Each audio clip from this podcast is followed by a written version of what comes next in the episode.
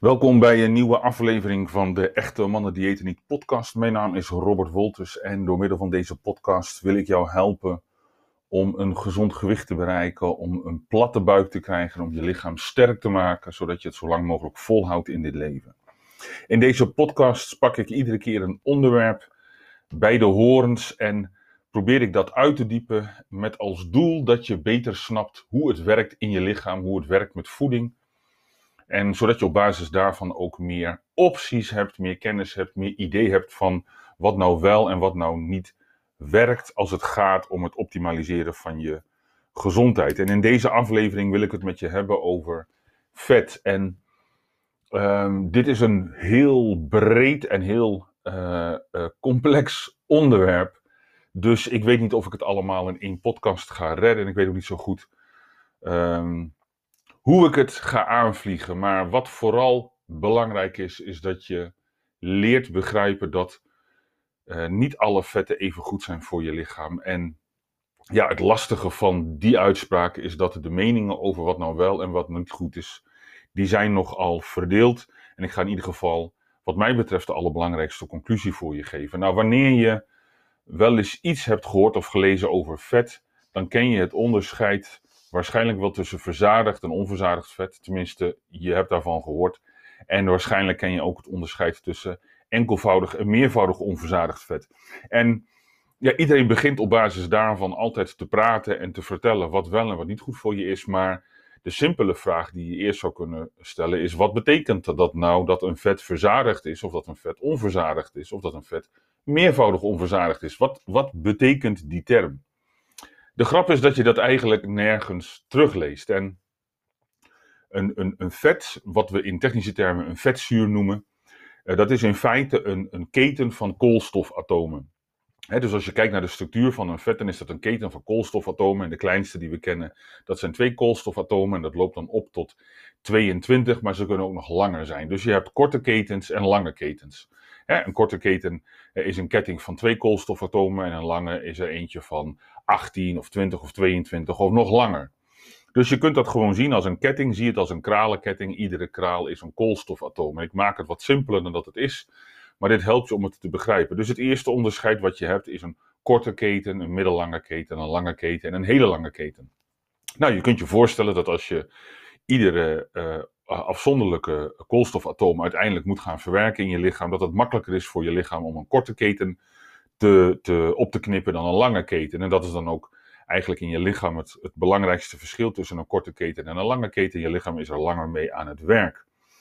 Nou, wanneer uh, is nou een vet verzadigd? Dat is afhankelijk van hoe die koolstofatomen, die kralen, met elkaar verbonden zijn. Wanneer daar een enkele binding tussen zit, dus zie dat maar gewoon als één streepje wat die twee koolstofatomen aan elkaar bindt, dan kan op dat enkele streepje kan zich nog een waterstofatoom hechten.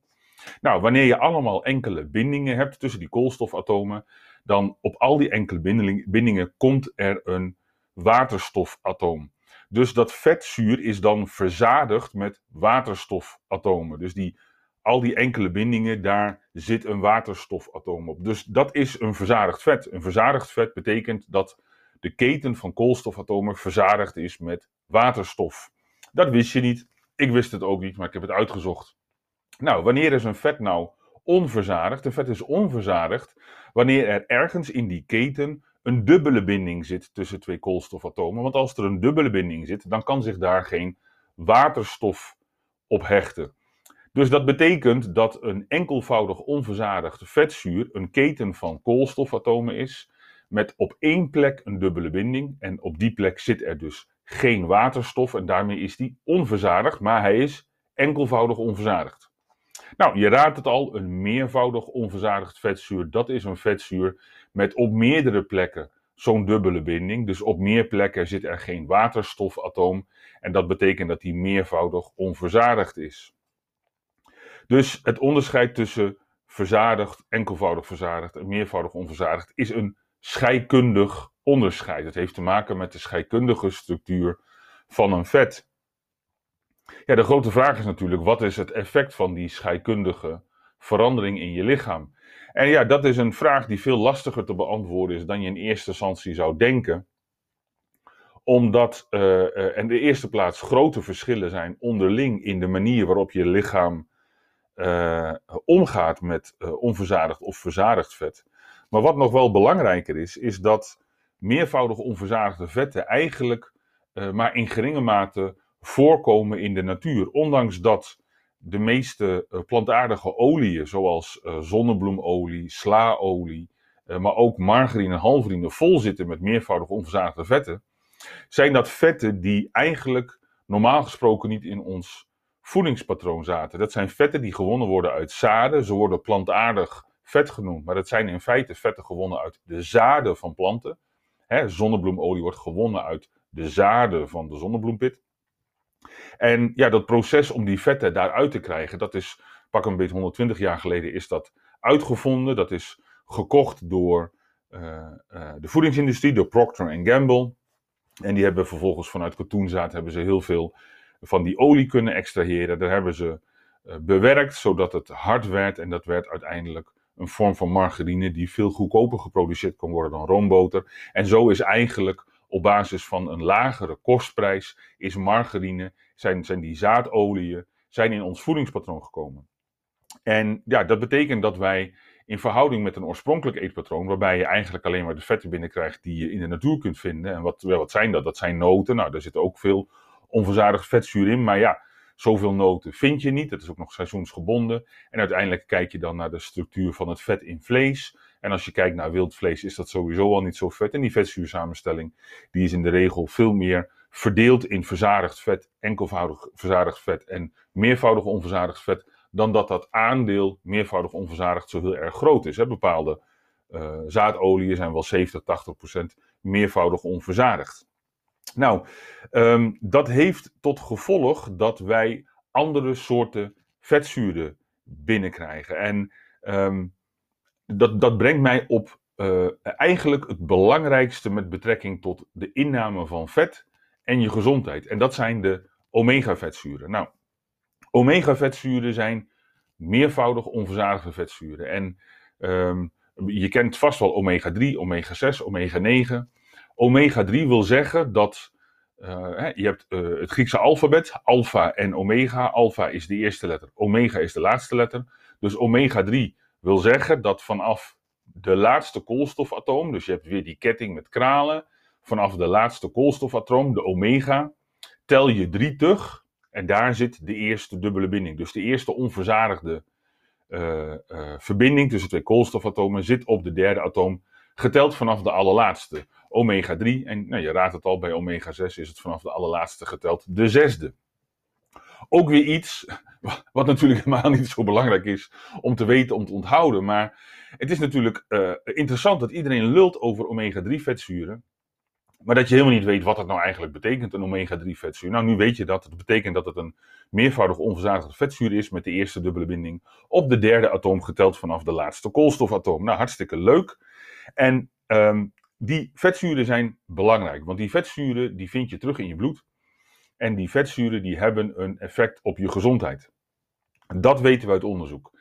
De, de, de relatie tussen de inname van verzadigd vet en je gezondheid is niet eenduidig de relatie tussen de inname van meervoudig onverzadigd vet en je gezondheid is al ietsje, ietsje eenduidiger. Maar ook nog niet echt heel erg hard. Maar de relatie tussen de inname van omega-3 vetzuren en omega-6 vetzuren en je gezondheid, die is keihard. Sterker nog, in 2021, dit jaar, is er een studie verschenen waarin uh, is gekeken naar de relatie tussen de hoeveelheid omega-3 vetzuren in je bloed specifieke omega-3 vetzuren. Er zijn er 11, maar er zijn er drie die eruit springen uit het onderzoek. Die uh, laten zien dat hoe meer je van die omega-3 vetzuren in je bloed hebt, hoe langer je het volhoudt in dit leven, hoe lager je sterftekans en hoe lager je kans op ziekte. En dit is een bijzonder onderzoek, want dit is een metastudie. En een metastudie is een, is een overzicht van alle relevante studies, alle relevante um, epidemiologische studies. En in deze studie zijn 17 van die studies betrokken. In totaal meer dan 42.000 mensen over een periode van 16 jaar. Dus dat is een hele grote onderzoeksstudie. Hebben een hele zwik aan medewerkers hebben daaraan meegewerkt. En die metastudie laat zien dat als je kijkt naar de groep mensen die is gestorven en de groep mensen die is ziek geworden in die periode, en je gaat vervolgens kijken, en met ziek bedoel ik dan bijvoorbeeld hè, cardiovasculaire ziekte of kanker of andere vormen van ziekte die ervoor gezorgd hebben dat mensen overleden, en je kijkt dan naar de associatie tussen enerzijds de concentratie van die omega-3 vetzuren en anderzijds um, uh, die sterftekans en die ziektekans, dan is het een, een hele sterke relatie. Dan voorspelt eigenlijk die concentratie van omega-3 vetzuren voorspelt of je het lang volhoudt, ja of nee. En of je een hoger of een lager risico hebt om vroegtijdig dood te gaan aan bijvoorbeeld hart- en vaatziekten. Dus we weten dat een hoge gehalte aan omega-3 vetzuren in je bloed je leven kunnen verlengen en je sterftekans verlagen. Aan de andere kant weten we ook dat wanneer je veel omega-6 vetzuren in je bloed hebt zitten, dat dat je levensduur kan verkorten, dat dat je kans op hart- en vaatziekten kan vergroten, omdat die omega-6 vetzuren, die kunnen oxideren, die kunnen voor een verhoging van de ontstekingsgraad in je lichaam leiden, waardoor je kans op hart- en vaatziekten en je kans op bijvoorbeeld neurologische aandoeningen groter is. Dus een van de belangrijkste graadmeters van je gezondheid in relatie tot de inname van vetten is de vetzuurbalans in je bloed, is de verhouding tussen omega-6 en omega-3. Nou, je kunt die vetzuurbalans meten, je kunt dat gaan meten, maar uiteindelijk is het natuurlijk vooral belangrijk om te kijken naar de inname van omega-6 vetzuren en de inname van omega-3 vetzuren. En er dan voor te zorgen dat je die omega-6 vetzuren terugbrengt en die omega-3 vetzuren opvoert. Nou, er zijn twee essentiële vetzuren. Eén omega-6 vetzuur, dat is linolzuur, en één omega-3 vetzuur, dat is alpha-linoleenzuur. En essentiële vetzuren wil zeggen, je hebt die vetzuren nodig en je lichaam kan ze niet zelf maken. Dus in je voeding moet voldoende linolzuur en alpha-linoleenzuur zitten. Nou, alpha-linoleenzuur zit vooral in plantaardige bronnen, zit bijvoorbeeld in walnoten, in groene bladgroenten. Alpha-linoleenzuur zit ook in gebroken lijnzaad. Je hebt er ongeveer 2,5 gram van nodig. Dus hè, met een theelepel gebroken lijnzaad of 20, 25 gram walnoten heb je voldoende alpha-linoleenzuur. Nou, linolzuur zit in tal van bronnen en het is eigenlijk onmogelijk om daar niet genoeg van binnen te krijgen. Je hebt ook niet meer dan een gram of vijf nodig. Sterker nog, doordat we in het bewerkte voedsel wat we eten en in de bak- en braadproducten en in de zonnebloemolie die we gebruiken, krijgen we eerder te veel van die omega-6 vetzuren binnen. En is die vetzuurbalans verstoord. Een optimale vetzuurbalans zou een verhouding 1 op 1 zijn. Een verhouding 4 op 1 omega-6, omega-3 is ook nog gezond voor je. Maar heel veel mensen hebben een verhouding van 20 tot 1 of zelfs meer. Ja, en dat vergroot gewoon de kans op tal van aandoeningen, omdat het uiteindelijk leidt tot een ontstekingsgraad in je lichaam. En daarmee een verhoogde kans op bijvoorbeeld de vorming van plak, de vorming van kanker. Dus het is heel erg belangrijk om al die zaadolie, om die meervoudig onverzadigde vetzuren, om die te beperken en meer omega-3 vetzuren te eten. Nou, dan zou je denken, mooi, dan ga ik meer walnoten eten, meer gebroken lijnzaad. Nou, wat nou het bijzonder is aan die studie, die is uitgekomen, is dat er geen relatie zit tussen de hoeveelheid alpha-linoleenzuur, dus die essentiële omega-3 vetzuur, en je gezondheid en je sterftekans. Dus ondanks dat het een essentieel vetzuur is, heeft het gehalte in je bloed geen correlatie met je sterftekans. Er zijn eigenlijk maar drie omega-vetzuren die uit dat onderzoek naar voren komen. En ik ga er twee benadrukken, omdat daar de meeste informatie over is. En dat zijn de omega-3 vetzuren DHA en EPA. En dat zijn de twee meest bekende vetzuren in vis. Nou, um, in principe is het zo dat je lichaam van alpha-linoleenzuur ook DHA kan maken. dat is ook een van de redenen dat bijvoorbeeld veganisten zeggen, ja, je zeggen, je hebt eigenlijk helemaal geen DHA en EPA nodig, je lichaam kan dat gewoon zelf. Nou, de realiteit is dat dat met een efficiëntie gebeurt van misschien ergens tussen de 1 en de 5 procent.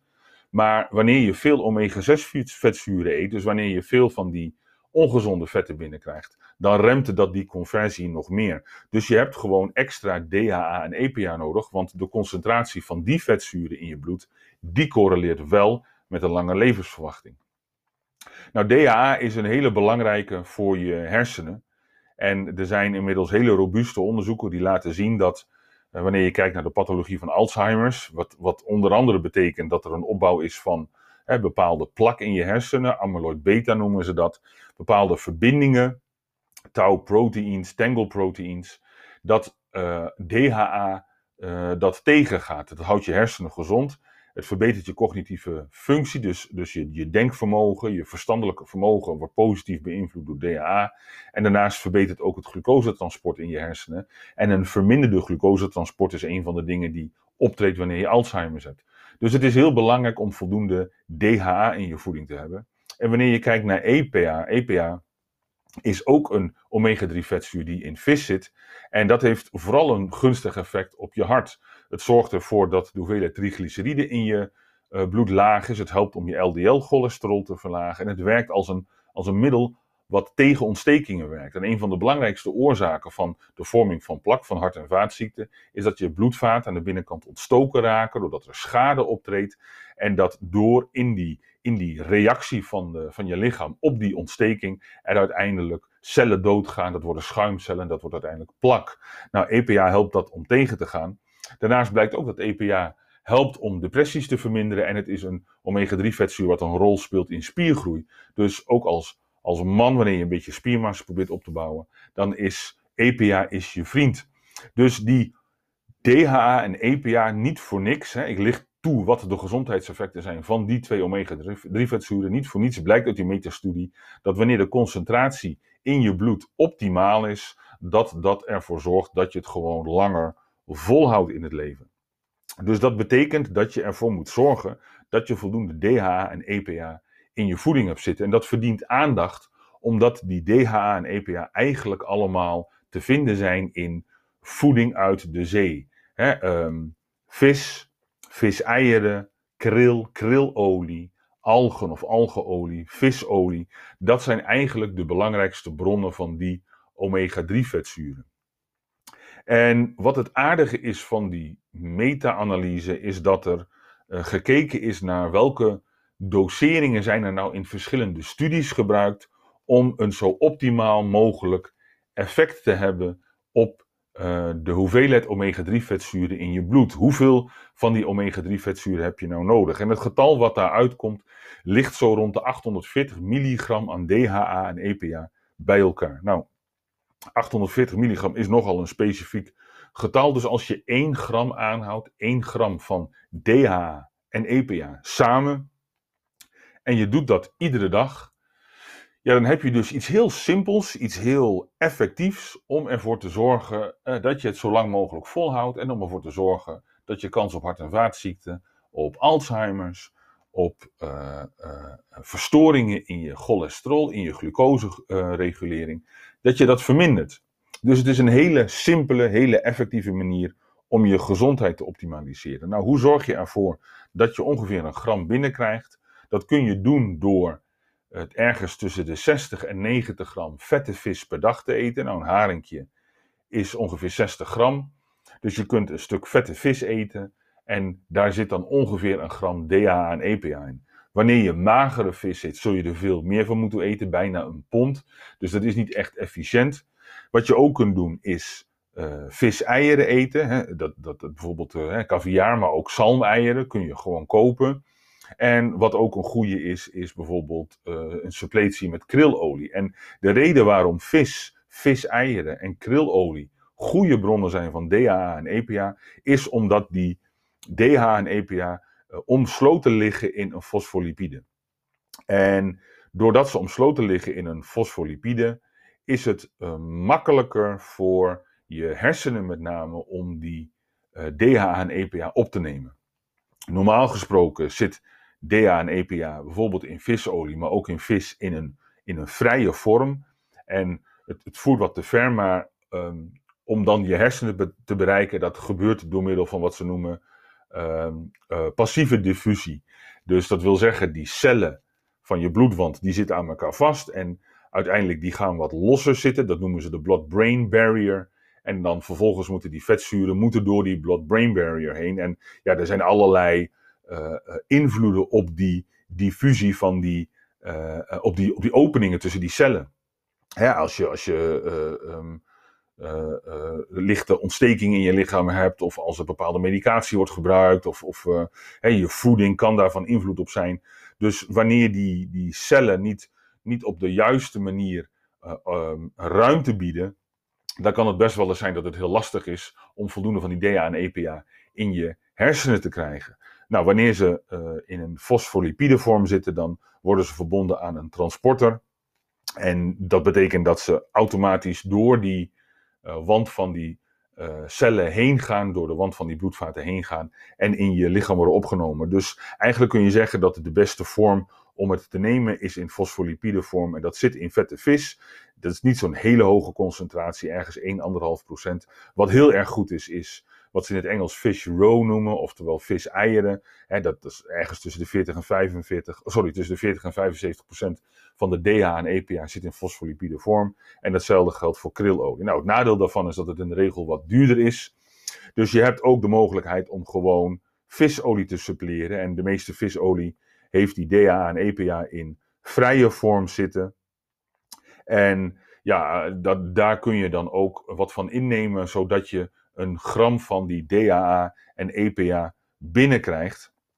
En, ja, en daarmee zorg je ervoor dat de hoeveelheid uh, omega-3 vetzuren in je bloed optimaal is. Nou, wil je daar nou maximaal rendement van, van plukken, wil je ervoor zorgen dat je daar het maximale rendement uithaalt, dan is het natuurlijk belangrijk dat je die inname van die omega-6 vetzuren zoveel mogelijk reduceert. En ondanks dat wij worden doodgegooid met het idee dat die omega-6 vetzuren gezond voor je zijn en dat linolzuur goed voor je is, is dat maar in beperkte mate. Ja, je hebt linolzuur nodig, maar je hebt niet veel linolzuur nodig. En de effecten van linolzuur op je cholesterol zijn heel erg gering. De negatieve effecten van te veel linolzuur op bijvoorbeeld de ontstekingsgraad in je lichaam is juist weer heel erg groot.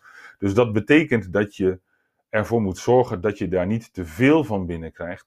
En de beste manier om dat te doen is gewoon te stoppen met het eten van die zaadolie. Dus te stoppen met het eten van uh, het gebruiken van olijfolie, van raapzaadolie, van mayonaise gemaakt met, sorry, olijfolie, vergeet dat. Zonnebloemolie, raapzaadolie, slaolie, alle vormen van margarine, alle vormen van halverine, alle bak- en baardproducten. Allemaal gemaakt met van die industrieel bewerkte goedkope zaadolie met veel te veel omega-6 vetzuren, veel te veel meervoudig onverzadigd vetzuur is slecht voor je. Wat je wel kunt gebruiken is kokosolie, dat is bijna volledig verzadigd vet. Je moet daar niet bakken van gebruiken, maar je kunt daar goed in bakken en in koken, want het is een hele stabiele vet onder hoge temperaturen.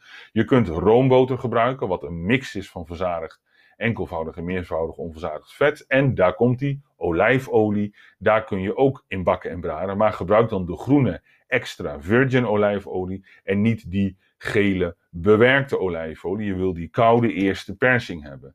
En ook die kun je verhitten. Er zijn mooie onderzoeken geweest waarbij ze 24 uur lang verschillende soorten vetten hebben verhit. En pas na 24 uur beginnen bij die groene extra virgin olijfolie schadelijke stoffen te ontstaan. De polyfenolen in die olijfolie beschermen de oxidatie van vet. Dus je bakt in kokosolie, roomboter of in die groene extra virgin olijfolie. Verder eet je gezonde vetten in de vorm van ongebrande noten. Je kunt olijven eten, je kan avocado eten. En natuurlijk is het belangrijk om vette vis te eten. Eigenlijk zou je dat iedere dag in een kleine portie moeten doen. Lust je geen vette vis of ben je niet van plan om dat zo rigoureus te gaan toepassen, dan kun je bijvoorbeeld visolie, krillolie of algeolie gaan gebruiken. Maar zorg er dan voor dat je in totaal zo rond de 1000 milligram DAA en EPA binnenkrijgt, zodat je optimaal beschermd bent tegen een hoop ziektes en je het zo lang mogelijk uithoudt in dit leven. Omega-3 vetzuren zijn essentieel voor een goede gezondheid. Het is makkelijk om er voldoende van binnen te krijgen. En wanneer je ervoor zorgt dat je het bewerkte voedsel laat staan, wat vol zit met allerlei slechte oliën, zoals sojaolie, waar veel van die meervoudig onverzaagde vetzuren in zitten. Je zorgt ervoor dat je niet te veel noten eet, ergens tussen de, laten we zeggen, 30 en 40 gram zoiets. Vooral ongebrande noten. He, daar kun je, kun je uh, uh, prima het uh, nodige van eten. En je zorgt ervoor dat je bakt en braadt in met name de stabiele, verzadigde vetten die goed tegen een hogere temperatuur kunnen. En ja, de meeste vet die je dan uiteindelijk kunt eten is enkelvoudig onverzadigd. Dat is een, een goede bron van gezonde vetzuren voor je. Die zitten in olijven, olijfolie en avocado. Dat is het verhaal met betrekking tot vetten. De belangrijkste conclusie, het belangrijkste wat je moet vasthouden, is dat je die industrieel bewerkte vetten moet laten zitten. Dat je gewoon moet luisteren naar moeder natuur en de vetten moet eten die daar van nature voorkomen. Wanneer je een goede vetzuursamenstelling wilt hebben, is het ook belangrijk om grasgevoerd vlees te eten van koeien die gewoon gras eten en niet die bijgevoerd worden met allerlei rommel. En het allerbelangrijkste, zorg ervoor dat er voldoende omega-3 vetzuren in je bloed zitten, met name DHA en EPA, door het eten van vette vis of door het suppleren van visolie. Oké, ik heb eigenlijk toch gewoon precies verteld wat ik wou vertellen. In 25 minuten zie ik hele compacte, dense informatie. Maar dit is wel ja, belangrijk om het gewoon eens uit te pakken. En het is ook belangrijk om zo af en toe eens een onderzoekje erbij te halen en je de belangrijkste uitkomsten daaruit te leren. Zodanig dat je gewoon precies weet wat we aan kennis hebben en hoe we dat kunnen toepassen. En dat je jezelf een klein beetje kunt wapenen tegen alle onzin die je verteld wordt. Wat in de regel altijd ingegeven is gewoon door commerciële belangen. Als je teruggaat naar het ontstaan van margarine en dan, en dan kijkt hoe dat is ontstaan, ja, dat is eigenlijk schokkend. Er was een enorme, enorme hoeveelheid katoenzaad over, ergens eh, rond, rond begin 1900. Dat was gewoon afval van de productie van katoen. En twee ondernemers, de heren Procter en Campbell, die hadden gedacht, daar kunnen we wel wat mee. Ze hebben een techniek gekocht waarmee ze olie konden winnen uit die zaden. Vervolgens hebben ze dat industrieel bewerkt om dat dan hard te maken. En daardoor ontstond er iets wat leek op ja, waar de meeste mensen in kookten, reuzel. En, en dat is eigenlijk de voorloper van de margarine. Daar zaten allerlei transvetzuren in. En het heeft jaren geduurd voordat duidelijk werd dat die transvetzuren een enorme, enorme golf aan hart- en vaatziekten heeft veroorzaakt. Er zijn letterlijk miljoenen mensen doodgegaan door het eten van die rotzooi. Maar het is Procter Gamble gelukt door het geven van geld aan de toen nog in oprichting zijnde Amerikaanse Hartstichting, om uiteindelijk die meervoudig onverzadigde vetzuren die in die industrieel bewerkte vetten zaten, als gezond voor je hart aangemerkt te krijgen. Uiteindelijk is het allemaal van hetzelfde laken een pak. Er zijn mensen die geld willen verdienen, die doen dat op een oneerlijke manier, die kopen uiteindelijk de wetenschap af. En er komt een hele zwik aan onderzoeken die dan allemaal hetzelfde laten zien en in kleine concentraties, is een beetje onverzadigd vet goed voor je, maar in grote concentraties niet. Maar we leiden de bliksem af. We doen net alsof het niet zo is. Er wordt geld geïnvesteerd in andere studies. Dan heb je nog Ansel Kies die van alles fraudeerde. Alleen maar omdat hij zijn eigen hypothese bewezen wou hebben. En zo is er bijna 70, 80 jaar aan foutieve dogma gepresenteerd. En het resultaat is dat er veel meer mensen ziek worden, veel meer mensen last hebben van overgewicht, veel meer mensen uiteindelijk ook kanker krijgen, waarin die meervoudig onverzadigde vetzuren en die omega-6 vetzuren ook een rol in spelen, want het verhoogt je ontstekingsgraad, waardoor je mitochondriën beschadigd raken en uiteindelijk die cellen niet meer op een natuurlijke manier sterven wanneer het DNA muteert. Dus het houdt allemaal verband met elkaar. En de oplossing is eigenlijk altijd heel erg simpel. Kijk naar hoe het pak een beet 2, 3, 400 of 10, 15.000 jaar geleden was. Kijk hoe we toen leefden, kijk hoe we toen aten. Dat is het klimaat waaronder onze genen zijn gevormd. En in de evolutionaire biologie van de mens liggen alle antwoorden opgeslagen. Alright, dat was het voor deze aflevering. Ik dank je voor het luisteren. Tot de volgende keer.